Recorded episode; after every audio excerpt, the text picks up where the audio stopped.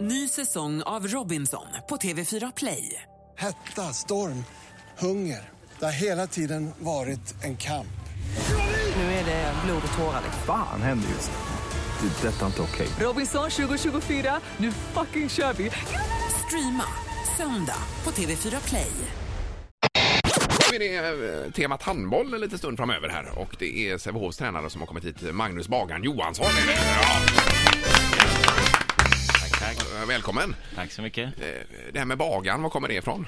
Eh, jobbar du som det eh, efter skolan i några år? Man körde ut bröd till, eh, fick blanda lite degar på slutet. Ja, ja, Sen, till och med det. eh, Ja. Sen tog eh, handbollen över. Ja, just det. Men har man kommit upp sig i graderna då om man får eh, blanda degen? Ja, det tycker jag. Jag ser det som det i alla fall. men- Inte om de som åt bröd tycker det, men jag var glad i alla fall. Ja, men just det, det. håller i sig då. Men kallar alla dig för Bagan? Ja, det har väl blivit, inom handbollen så har det blivit en, ett eh, känt namn.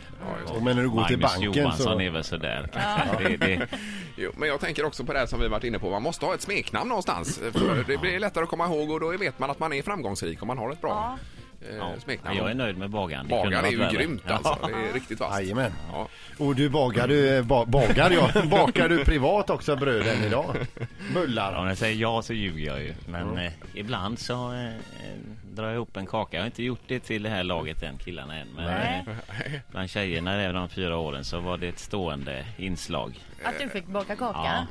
Inte bara när vi var glada utan det kunde varit efter någon förlust och lite sådär. Men vadå, Piffa tjejer, upp det. Sävehofs tjejer har väl aldrig förlorat de senaste tio åren? Nej, Nej. I och för sig. någon gång in emellan. Men det, där ser du hur sällan jag bakar. Du får jag bara fråga dig. För, för ganska många år sedan så eh, deltog du i en luring. Vi, vi lurade Jubomir eh, Vranjes. Ja. Han skulle lämna RIK på den tiden och ut i proffslivet va? Han skulle till Barcelona jag för mig.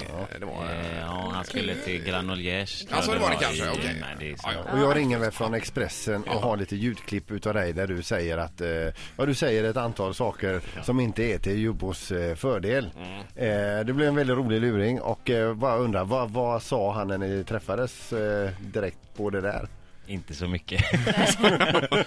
När vi träffas, eh, när vi stöter på varandra så är vi goda vänner i alla fall. Jag har, jag har nu i 13 år väntat på eh, hämnden. Det har Kommer inte den hänt få någonting. göra det i fortsättning också. Jag ska säga det, Men att det är en det, und- underbar gubbe men, men eh, ja, den blir ju bra. också. ja, Det det var- är ju en riktigt av de bra. absolut bästa luringarna roligt. genom tiderna. Ja, ja. Det var, eh, det var, men det var länge sedan nu. Ja, det var länge Det sedan. var då det.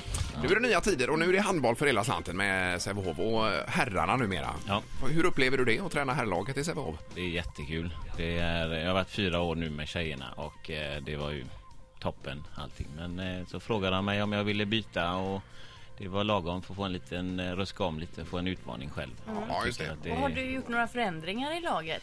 Ja, det har- tycker jag. Vi spelar på ett lite annorlunda sätt. Vi vill skjuta lite mera och, och vi vill eh, kontra lite mera. Men eh, det var ett jättebra lag jag tog över. De har ju vunnit tre år i rad så att det vi startade trögt den här säsongen med två förluster och då var- grymtades det här och var. Det kände man ju. Men, eh, men, Men det, det får man ta. herregud, vilken press du har på dig. Ja, hur, att vinna fyra år på raken. Om man... Jag är jävligt bra på att baka så om det skulle gå åt skogen så.